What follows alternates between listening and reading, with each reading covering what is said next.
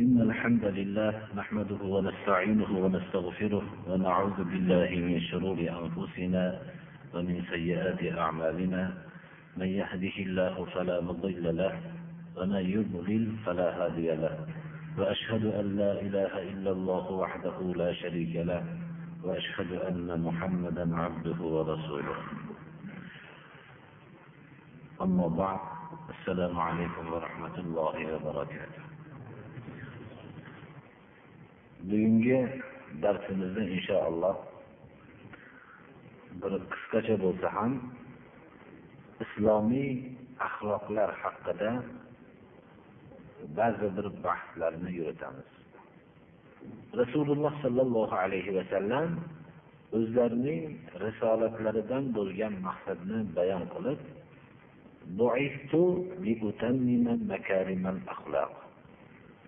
oliy xulqlarni barkamol qilishlik uchun payg'ambar qilib jo'natilindim dedilar. Demak islomdagi qurilgan ibodatlar hammasi oliy xulqlarning barkamol bo'lishligi bilan asl risolatdan bo'lgan maqsad ham oliy xulqlarning barkamol qilinishlik uchun ekanligini bayon qilinyapti oliy xulq nima? Oliy xulqlar qanday bo'lishligi kerak? Biror bir kishi o'zini badxulq deb nomlagan kishi tarixda eshitilgan ham emas birov o'zini hozirda ham aytmaydi buni buyog'ida ham aytmasa kerak. Allohu alam. Hech kim o'zini badxulq deb nomlamaydi. Men yomon xulq egasiman degan kishi tarixda ham o'tgan emas hozirda ham yo'q. Buni buyog'ida qiyomat kunigacha ham bo'lmasa kerak. Shuning uchun demak yer yuzidagi hamma odam axloqli odam bo'lib chiqadi. Agar odamlar o'lchoviga qo'yib qo'yadigan bo'lsak birorta beadab bexulq odam yo'q hamma odam axloqli. Hamma odam hatto hayoti bo'yi bo'yi hayoti davomida o'g'rilik bilan tiriklik o'tkazayotgan odam o'ziga falsafa qurib olgan. Hamma odam shirin uyquda istirohat qilayotgan vaqtida men mehnat qilib tashvishlar bilan topayotgan harakatim nima uchun badaxloqlik bo'ladi deydi. E, nima uchun meni topgan pulim harom bo'lar ekan deydi o'zi fohisha bilan shug'ullanayotgan kimsalar ham birovni manfaatlantirayotganligini jasadining rohatini o'tayotganligini aytishlik bilan bu ham eng axloqli odamman deb davo qilishligi mumkin. O'zini bozorda ko'chalarda jamolini nomusini sotib o'zining fohishabozligi bilan yurgan ayol ham men jamiyatga ziynat bo'lib yuribman deb davo qilib nimaga meni xulqlarim badxulqlik bo'ladi deb davo qilishligi mumkin bo'ladi. Men odamlarni foydalantiryapman deb davo qilishligi mumkin. Vaholanki hayotdagi eng bir sharmandalik bo'lgan xulq mana bu xulqdir. Shuning uchun bizda bir asosiy bir o'lchov bo'lmoqligi kerak. Bu o'lchov o'zgarmas bo'lishligi kerak. Bu o'lchov davrlar o'tishligi bilan o'zgarmas bo'lib qolishligi kerak. Zamonning hayotning o'zgarishligi bilan hozirgi johiliy odamlarning talaffuzi bilan aytganda taraqqiyot rivojlangan sari degan so'zni iste'mol qilishadi. Bunday narsalar bilan o'zgarmas bo'ladigan bir o'lchov bo'lishligi kerak. Agar bu o'lchov bo'lmasa bir davrda xulqli bo'lgan odamlar davrlar shu bilan badxulq odamlarga aylanishi mumkin. Tarixda o'zlaricha odamlarning manfaati uchun ishlagan odamlar keyingi davrda bular bir keraksiz bir jamiyatga zararkunanda odamlar deb o'lchab qo'yilishligi mumkin. Nima uchun? O'lchov o'zgarishligi natijasida.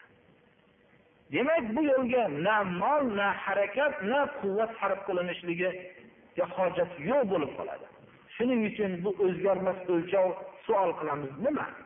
Qani kishilarga bir savol qilaylikki bu o'zgarmas o'lchov kimda bor?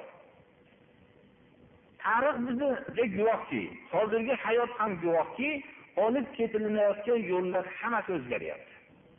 Odamlarning pokizaliklari bir davrda bo'lgan pokizaliklari odam keyingi davrdagi odamlarning o'lchovida bu qoloqlik bo'lib o'lchayapti demak o'zgarmas o'lchov hech qaysi odamlarning oldida yo'q magar ahli islom musulmonlarni oldidagina bu o'zgarmas o'lchov bor. Bu o'lchov islom o'lchovidir. Bu o'lchov olloh tarafidan kelgan o'lchovdir. Bu o'lchov bashariyatning birinchi otasi vujudga kelgan vaqtda berilgan o'lchovdir. Va bu o'lchov qiyomatgacha o'zgarmas bo'lib qoluvchi o'lchovdir. Bu o'lchov takomillashib borgan o'lchovdir. Ya'ni bashariyat go'yoki avvalgi payg'ambarlar tarixida tufulat go'daklik bosqichini bosib o'tgan bo'ldi. Bu go'daklik bosqichi kamolot yoshiga yetguncha alloh subhana va taolo ularni tarbiya qildi. Kamolot yoshiga yetdi bu davr rasululloh sollallohu alayhi vasallamning davrlari bo'ldi. Bu kishi bilan risolatga muhr bosildi risolat to'xtadi. Rasululloh sollallohu alayhi vasallam o'zlaridan ilgari kelgan payg'ambarlarning axloqni qurib ketayotgan ya'ni axloq qurib borgan axloqni rivojlantirib borgan birodarlarning komil takomillashtiruvchi zot bo'lib qoldi. Mana bu so'zlarning ma'nosi ham men axloqlarni vujudga keltirishlik uchun keldim demadilar.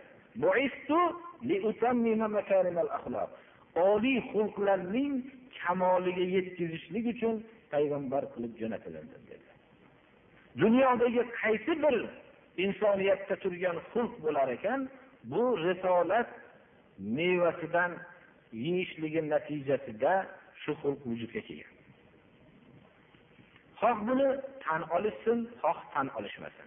Insoflik toifalar tan olishmoqda. Shu yerda biz boshqa jamoalarni qo'yamizda ular bilan bahs yuritmaymizda musulmonlar uchun bo'lgan jome islomiy asosiy xulqlar haqida biz bahs yuritamiz. Bu bahs ya'ni jome degan so'zimdan shuni bilinsinki hamma tarafni o'z ichiga oluvchi asosiy xulqlar bu musulmon kishiligi musulmon kishi bilishligi zarur bo'lgan va hozirgi jamiyatimizdagi musulmonlikni davo qilgan kishilar noqis qolib kelgan tarmoq ham shu bo'lsa kerak allohu alam hammamiz yoddan biladigan sura استعيذ بالله والعصر إن الإنسان لفي خسر إلا الذين آمنوا وعملوا الصالحات وتواصوا بالحق mana bu sura musulmon kishining to'rtta xulqini o'z ichiga olyapti. Alloh subhana va taolo asr vaqtga har xil ma'nolar bor biz shu bittasini ixtiyor qilamiz. Vaqtga qasam ichib vaqt qadr qiymatli narsa bo'lganligi uchun insonning ziyonda ekanligini qat'iy bayon qilib to'rt kishini to'rtta xulq egasini mustasno qilyapti. Birinchi iymon keltirgan kishilar amali solih qilgan kishilar va haqni vasiyat qilgan kishilar bir birlariga va sabrni vasiyat qilgan kishilar. Bir birlariga nasihatlashgan kishilar mana shu to'rtta sifatni egallamagan kishilarning har birini ziyonkor ekanligida shak shubha yo'q deyapti. Agar shu sifatlar egallanmagan bo'lsa bu odam ziyondan boshqa narsada emas. Avvalgi ikkita xulq iymonu amali solih islomni davo qilgan kishilarning aksarlarida topilishligi mumkin. Ammo haqni vasiyat qilish haq yo'ldagi kurashdagi sabrni vasiyat qilish bu hamma musulmonlarda topiladigan sifat emas biz shu yerda avvalgi so'zimizda jomi hamma narsani o'z ichiga oluvchi asosiy xulqlar degan so'zda to'xtalib o'tamiz. Musulmon kishilar avvalgi zamoni saodatdagi musulmonlarga bir nazar tashlaymiz. Avvalgi musulmon kishi islom shariatiga olim bo'lgan. Ya'ni sahoba ikromlar islomni mukammal bilishgan. Va shu bilan birga zohid bo'lishgan. Ya'ni dunyoni qalblariga joylamagan qo'llarida bo'lgan dunyo. Shu bilan birga olim bo'lishligi bilan birga obid ya'ni ibodat qiluvchi sifatiga ega bo'lishgan. Qaysi bir ibodatni tarmog'ini olsangiz shunda komil bo'lishgan. Va shu bilan birga olim bo'lib dunyoni qalbiga joylamay qo'liga joylab va shu bilan birga ibodatda sahargiz tahajjud o'quvchi ibodatlariga nihoyatda ibodatlarni mukammal bajaruvchi bo'lishi bilan birga jang maydonida jangchi bo'lishgan. Shu bilan birga da'vat maydonida kuchli doi bo'lishgan. Har qanday kambag'al odamning kambag'alligiga rahmi kelib haqni aytmay qo'ymagan. Davlatmand odamning davlatini rioya qilib haqni aytmay qo'ymagan. Zolimning zulmini rioya qilib haqni aytmay qo'ymagan. Har bir o'rinda haqqa da'vat qiluvchi ham bo'lgan. Jur'atli bo'lgan va ochiq bo'lgan. O'zini kimligini bayon qila olgan. Va hikmatlik ham bo'lgan. Va shunday tillik notiq bo'lgan. Ya'ni haqni oldida hech kim nutqni to'xtatib qo'yadi. Agar har qanday notiq odam u o'zi jinoyatchi aybdor bo'lsa nutqi yo'qolib qoladi birodarlar. Va hamda fikrda siyosiy bo'lgan. Har kim uni aldab ketaveradigan kishi bo'lmagan. Va har bir narsani bir idoriy o'ringa qo'ysa idora qila olgan va zakiy bo'lgan nihoyatda farosatli bo'lgan ya'ni birovga aldanmaydigan bo'lgan. Bir musulmon kishini kechqurunda ko'rsangiz tahajjudda sajda qilib yig'layotgan bo'lsa bu odam endi bunday ibodat bilan kunduzi bilan dam oladi desangiz kunduzi jang maydonida mujohid bo'lgan. Shu odamning o'zi shariat ilmini so'rasangiz olim bo'lgan. Shu odam yana birovga muhtoj bo'lmaydigan tamagir bo'lmagan o'zida davlat qo'lida bo'lgan. Yoyinki kambag'al bo'lsa ma'nan nihoyatda boy bo'lgan. Ma'naviy tarafdan qashshoq bo'lmagan. Agar buni har bir sohada bir tekshirib ko'rsangiz islomiy axloq egasi bo'lgan. Mana bu birinchi zamoni saodatdagi musulmon kishining keyingi davrda paydo bo'lgan musulmon kishidan farqi shu yerdadir birodarlar. Keyingi vaqtda musulmonlarning ularning farqi qayerda? Ular shariat olimi bo'lsa tekshirib qarasangiz mutaxassislik maydonida hech narsada yo'q ekan yo'q. Agar biror bir zolimga xitob qilishlik shunday bo'ladigan bo'lsa eng orqada turuvchi kishi bo'lgan. Keyingi musulmonlarni tekshirib ko'rsangiz biror bir kishida jur'at shunday haybat bo'ladigan bo'lsa shariat ilmidan mutlaqo bexabar. Hozir biz o'zimizni ahvolimizni haqida bahs yuritsak hozirgi shu fursatdan foydalanib ba'zi kishilarga islom yo'lida. Agarchi oz bo'lsa ham xususan hozirgi davrda. Ollohni yo'lida shu molingizni sarf qiling desangiz juda ko'p miqdorda sarf qila oladi. Lekin farzandingizni tarbiya qiling degan vaqtda farzandni tarbiya qilish sohasida hech kim emas bir kishi kechasi bilan tahajjud o'qiydi namozni yig'lab o'qiydi. Ammo halol kasb qilish maydonida hech kim emas. Agar shariat jiddiy bo'ladigan bo'lsa u shariatga xilof qiluvchi kishining birinchisi bo'lib qoladi. Ammo kechasi bilan turib yig'lab ibodat qilish besh vaqt namozni joyida o'qish jamoat bilan o'qish maydonida hammasi joyida lekin farzandlarning tarbiya qilishlikda hech kim emas. Ba'zi bir kishi qur'oni karimni yod biladi qur'oni karimni to'la o'qiy olmaydi harflarini joyidan chiqarib o'qiydi. Ammo islomiy axloqlardan biror bir jur'at maydoniga solsangiz undan qo'rqoq odam yo'q. Ba'zi bir kishilar zakotni shunday beradiki birinchi kunida ado qilolmaydi. Lekin o'ziga qarasangiz xonadoniga qarasangiz islomdan boshqa hamma narsa bor. Ba'zi bir kishilar e, ro'za tutish nafl ro'za tutish maydonida juda mukammal. Lekin ilm talab qiling desangiz mutlaqo bu ilmdan bexabar ilm shariatni qur'onni o'qishlikni hech qanday xohlamaydi. Umumiy qilib aytganda musulmonlar ong nuqtai nazaridan hammadan orqada qolgan. Taxassus mutaxassislik sohalarida mutlaqo hech kim bo'lmay qoladi. Shunday mukammal islomni bilgan kishilar borki taxassus maydonini agar ko'rsatadigan bo'lsangiz hech kim bo'lmay qoladi. Ana bu keyingi musulmonlarning o'zgarish holati mana bu yerga kelib qolgan musulmonlar o'rtalaridagi munozaralarni qarasangiz yaxshilik taraf bilan ko'rmoqchi bo'lsangiz haligi aytib o'tgan zakot beradigan kishini zakotini juda vaqtida beradigan ulug' zot deb maqtashingiz mumkin.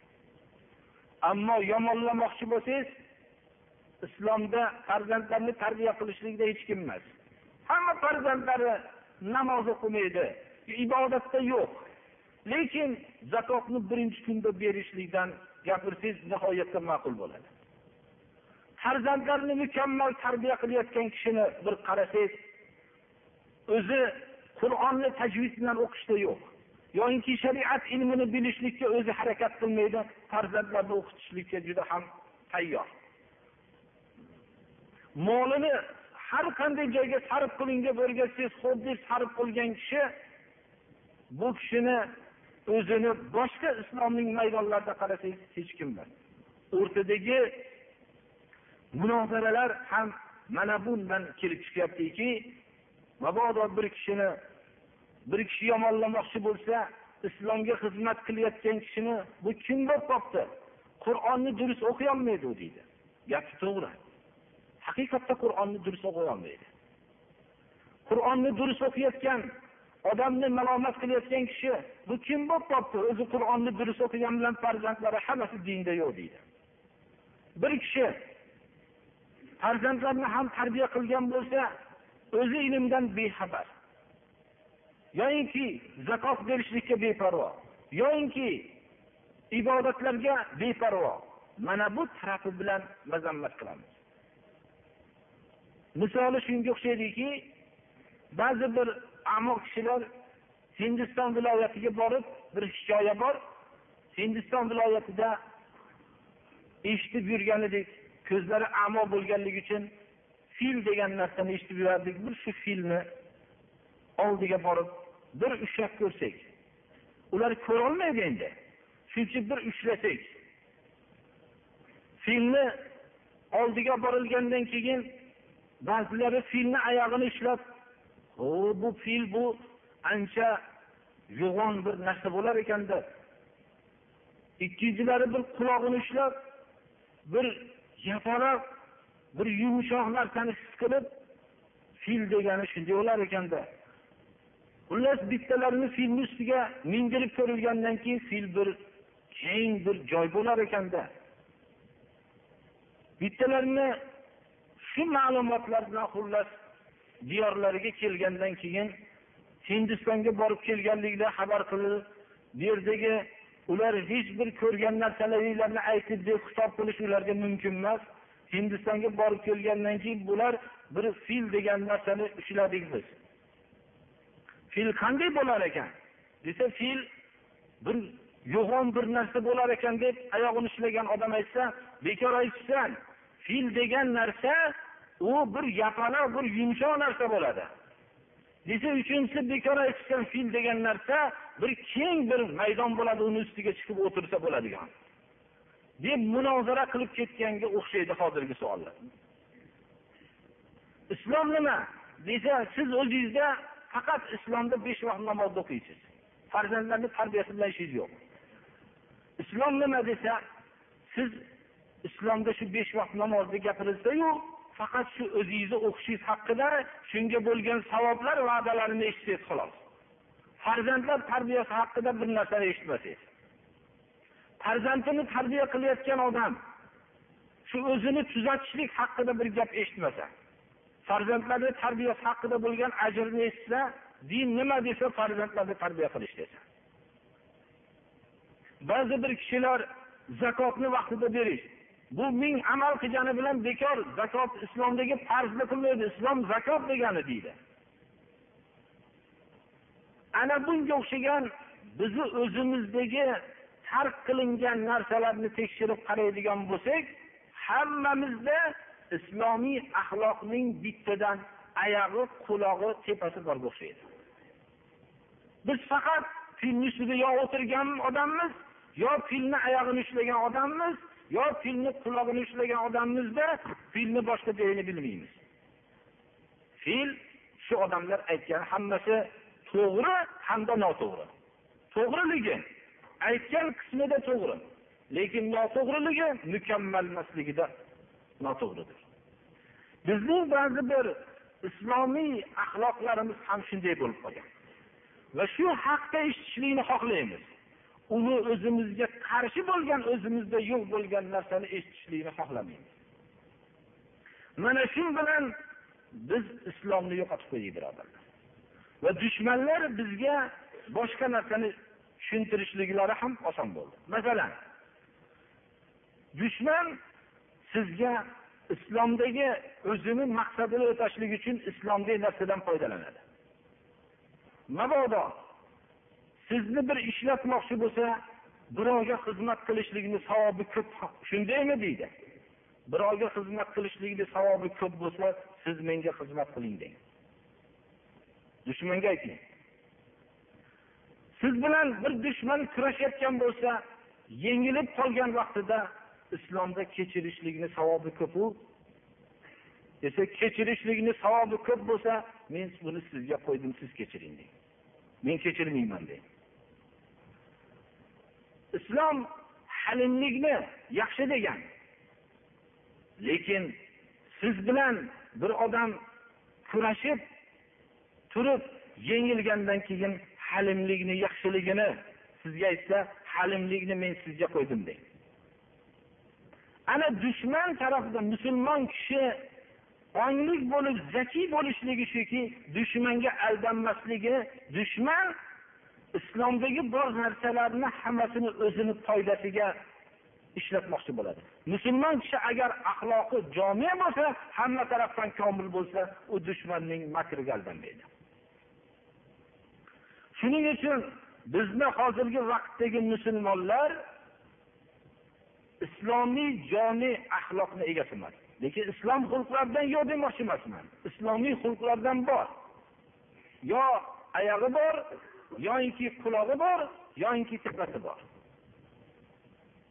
Boshqa tarafini ko'rmaydi yoinki ko'rmaslikka oladi. Yoinki ko'rishlikni xohlamaydi. Mana bu narsa natijasida musulmon shaxsiyat vujudga kelmagan. Rasululloh sollallohu alayhi vasallamning davrida ota onaga yaxshilik qilishlikni bilgan musulmonlar bo'lishligi bilan birga dindan boshqa bo'lsa ota onadan voz kechishlikni ham bilgan farzandiga yaxshilik qilishlikni otalar bilgan va shu bilan birga farzandi dinda bo'lmasa farzandi bilan o'zini o'rtasida aloqani uzgan. Dinda har qancha moli davlatni dinni rivoji uchun bera olgan ammo bir tangani dinga zarar bo'ladigan bo'lsa bermagan hatto zolim podshohlar birodarlar namoz o'qiydigan ro'za tutadiganu lekin zolim podshoh. Shu podshohlar bir olimdan qalamini so'ragan vaqtda bir narsa yozishlik o'rtasida qalamim yo'q desam yolg'on gapirgan bo'laman. Qalamim bor bo'lib senga bersam biror bir zulmni kitobat qilsang shunga sherik bo'lishlikdan ollohdan qo'rqaman deydigan musulmon ham bo'lgan. Va jonini ham shu musulmon joniniyu molini din yo'lida berolmagan ammo qalamida yozishlikni zulmni yozib qo'yishligidan ollohni huzurida turishlikdan qo'rqqan. Biz mana bu tomonda nuqsonlimiz biz qur'onga har bir harfiga o'qisan qancha savob bo'lishligini bilamiz ammo qur'onni buyrug'ini mutlaqo qilmaymiz.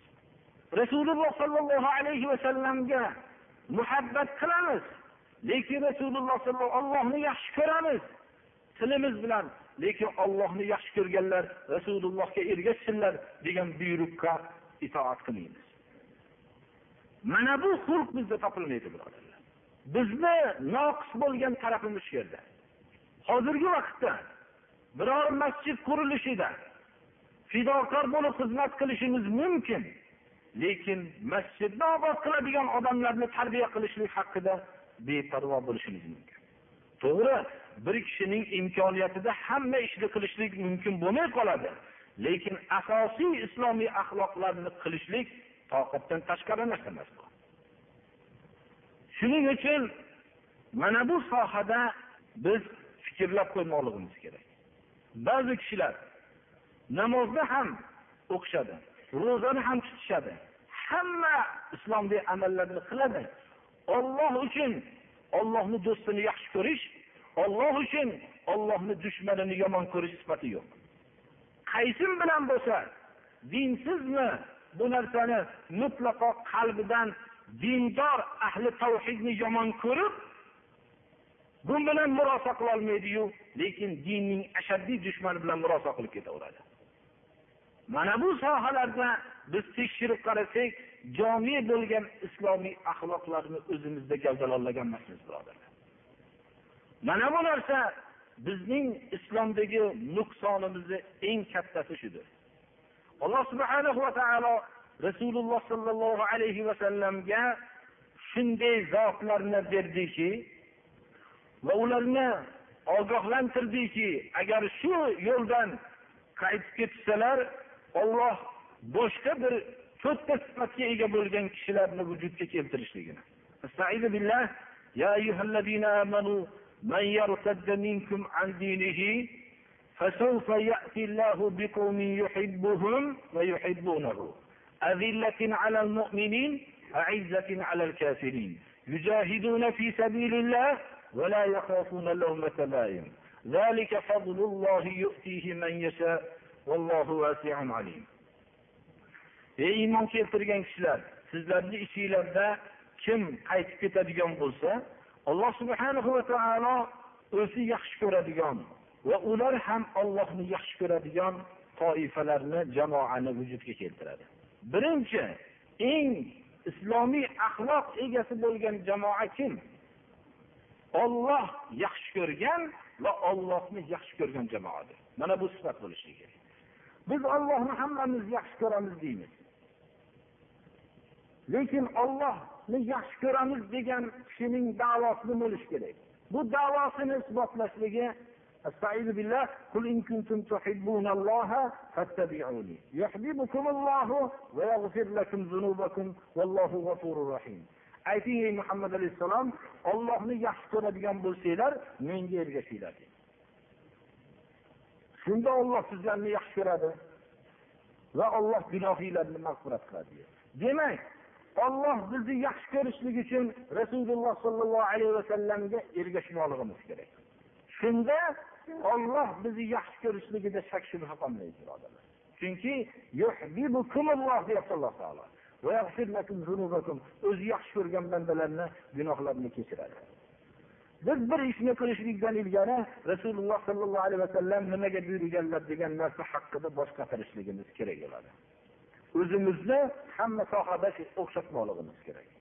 Ikkinchi sifat alal mu'minin. Mo'minlarga muloyim ba'zi kishilar juda muloyim. Lekin hammaga bir xil muloyim. Dindormi dinsizmi hammaga bir muloyim. Lekin olloh yaxshi ko'rgan jamoa kim? Mo'minlarga muloyim kofirlarga izzatli. Ya'ni nihoyatda g'ayur. Hech bir narsada ulardan tama bunday narsani qilmaydigan izzati nafs o'zini oliy tutuvchidir ya'ni.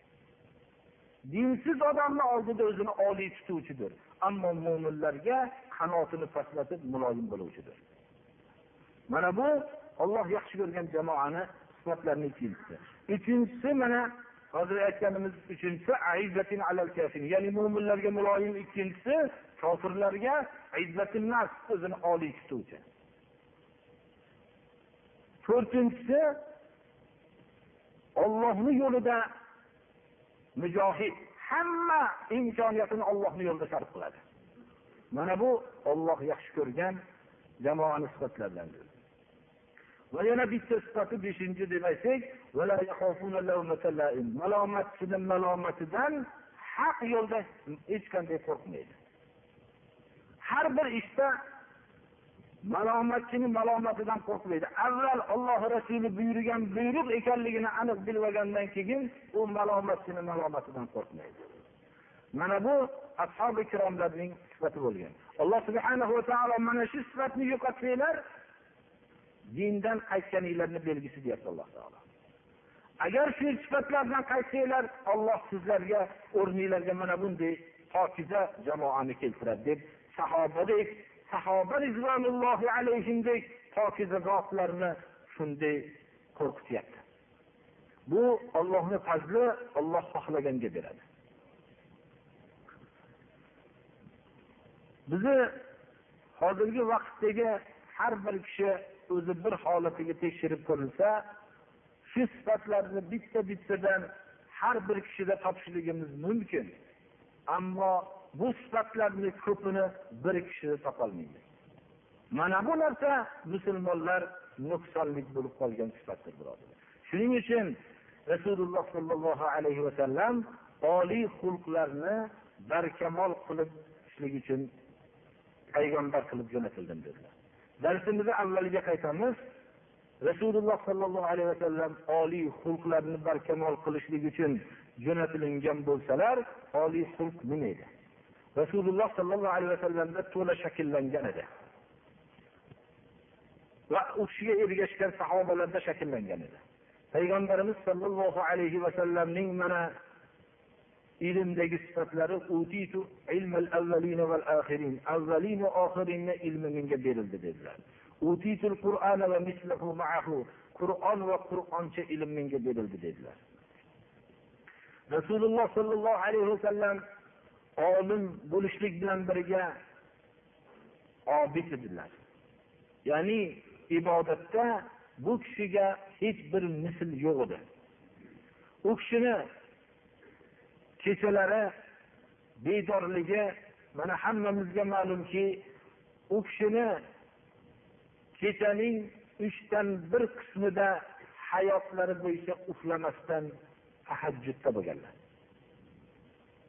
Tahajjud rasululloh sollallohu alayhi vasallamga nisbatan ba'zi mufassirlarning aksar mufassirlarning fikrida farq bo'lgan boshqalarga mustahab bo'lsa ammo rasululloh sollallohu alayhi vasallamga farz bo'lgan وأقم الصلاة لدلوك الشمس إلى غسق الليل وقرآن الفجر إن قرآن الفجر كانت مشهودا ومن الليل فتهجد به نافلة لك عسى أن يبعثك ربك مقاما محمودا shu oyat u kishiga tahajjud farzligiga dalolat qiladi deyishadilar. Rasululloh sollallohu alayhi vasallamning obidliklari shu darajadaki tahajjudda ko'p tilovat qilganliklaridan surai baqaracha miqdorda ruku sujudlarda qolganliklari rivoyat qilinadi rasululloh sollallohu alayhi vasallamni kechqurunda keldim u kishi namozda turibdilar go'yoki qozon qaynayotgandek tovush ichlaridan chiqib turibdi yig'i bilan deb. Har bir holatni payg'ambarimiz sollallohu alayhi vasallamning ibodatlari ibodatni biror bir kishi rivoyat qilgan emas biror bir kishidan rivoyat qilingan emas rasululloh sollallohu alayhi vasallamning ro'zalari haqida ro'za ibodatlarida bu kishi o'tkarma ro'za tutardilar.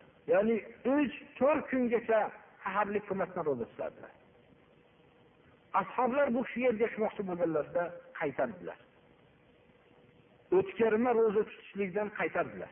Shu bilan birga o'tkarma ro'za tutgan odam shunchalik behol bo'lib qoladigan kishi hech qanday qiyomillardan qolmasdilar kechqurungi namozdan qolmasdilar kechqurunda namoz o'qib kunduzi ro'za bo'lib turgan kishi jismoniy tarafdan shunday quvvatlidilarki sahobalar handaqda bir tosh chiqib kavlashayotganlarida chiqib ko'tarisholmay qolganlarida o'zlari shuni ko'tarib olib qo'ydilar. Rasululloh sollallohu alayhi vasallamning shunday jihod maydonida bu kishidan dovyurak kishi yo'q edi. Ish og'irlashib ketsa payg'ambarimiz sollallohu alayhi vasallamning orqalariga o'tib olardik deyishadilar eng jur'atli umar ibn hattob holid ibn validdek kishilar ham ish og'irlashganda payg'ambarimiz sallallohu alayhi vasallamni oldilariga kelib olardik deydi. Har bir sohani tekshirib qarasa payg'ambarimiz sollallohu alayhi vasallam bunchalik o'tkarma ro'za tutgan ibodatda bo'lgan kishi yer yuzini siyosiy arboblari bilan xat yozganlarda xatlarining ta'siri larzaga kelardi. U kishini oldilarida u kishining haybatlarida har qanday jur'atli kishi o'zini yo'qotib qo'yardi payg'ambarimiz sollallohu alayhi vasallamning kechqurunda obid kunduzida zohid mujohid hamma ashoblar payg'ambarimiz sollallohu alayhi vasallamga shu sohada ergashgan edi o'zlarining imkoniyati boricha ammo bizchi biz dunyo topish haqida ketdik. Tamomiy ilmdan bexabar bo'lib turibdi. Dunyo topamiz. Mabodo ilm o'qiydigan bo'lsak hayotdan tamomiy judo bo'lib qolamiz. Hayotda nima bo'lyapti odamlar nima dard tortyapti buni bilmaymiz. Hayot bilan odamlarni dardi bilan ovora bo'lsak qur'onni haftalab qo'limizga ushlamaymiz. Yagona olloh subhana va taolo tarafidan bashariyatni mukarram qilib tushirilgan qur'onni ushlamay o'tib ketamiz. Nafl namoz o'qiydigan bo'lsangiz tamomiy fuqarolarni haqqini esdan chiqaramiz qaysi bir sohada bo'lsak mabodo bir ilm o'qishga bir yosh kattalarni targ'ib qilinadigan bo'lsa farzandlarning tarbiyasidan voz kechib yuboradi mana bu narsa bizning noqisligimiz va islom ummatining pastlatib borayotgan narsa shudir birodarlar.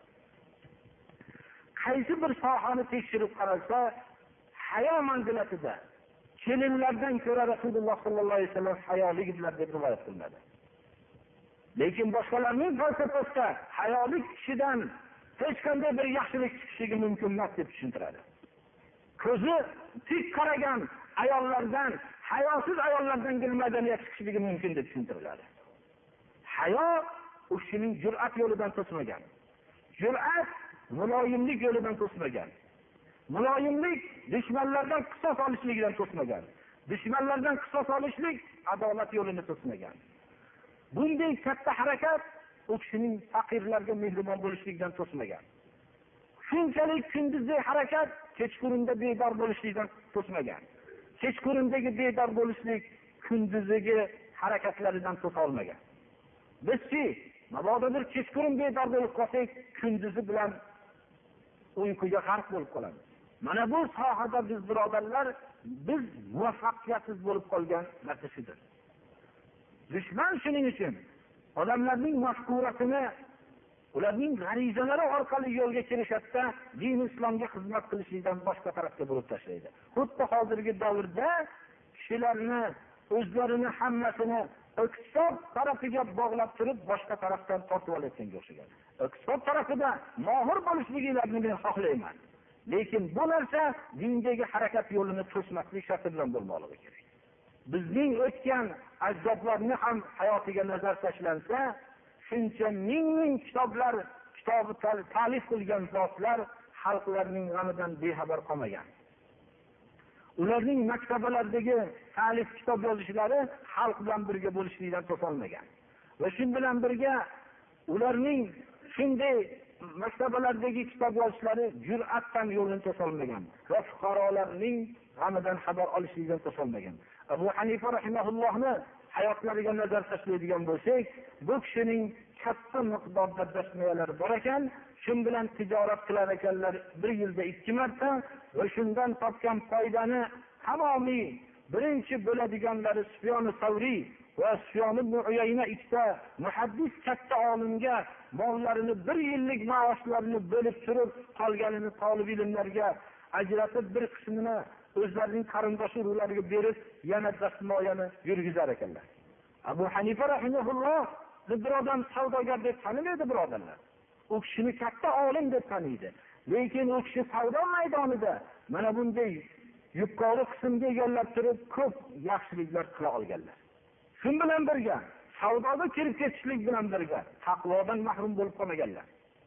Abu hanifa rahimaullohning o'zlarini bir g'ulomlari bor ekan shunda to'nlar to'n turishlik qilganliklarida savdo qilganlarida to'nni ikki xil narxini ikki xil to'nni savdosida bir shubha paydo bo'lib qolganligi uchun keltirganlarida shu yaxshi to'n ham shuni orasiga kirib qolganliklari uchun shu savdoda shubha bo'lib qoldi deb aslida o'zi.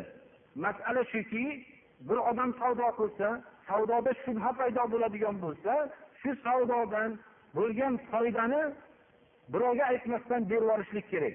Harom bay bo'lib qolsa. Lekin dastmoyaga putur yetmaydi.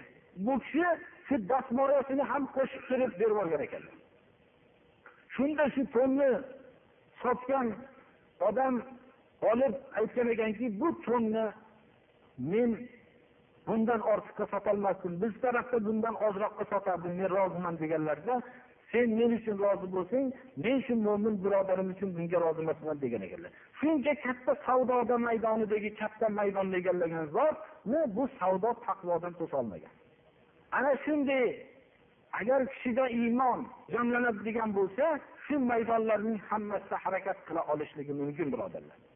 Bir narsa bir tarafga ketib qolmaydi savdodagi yuqorilik taqvodan to'solmaydi. Taqvodagi yuqori bo'lishlik odamlardan tama qiladigan holatga olib kelolmaydi. Biz agar tarki dunyo qilib taqvo qilib o'zimizni tuzatadigan bo'lsak odamlarga qaram bo'lib qoladigan holatda qolamiz birodarlar. Mana bu sohalardagi narsalar bizni islom millatini orqaga tushirgan narsadir. Shuning uchun bugungi darsimizdan ko'pchilikka mafhum bo'lgan bo'lsa kerak islomiy jome axloqlar islom ummatida yo'qolgandir. Islomiy xulqdan ba'zilari yo'qoldi demoqchi emasman. Jome xulq bir kishida topilmay qolgan. Mana shunday kishilar vujudga o'zi kamayib qolgan bugungi darsimiz tushunarli bo'lgan bo'lsa kerak vallohu alam.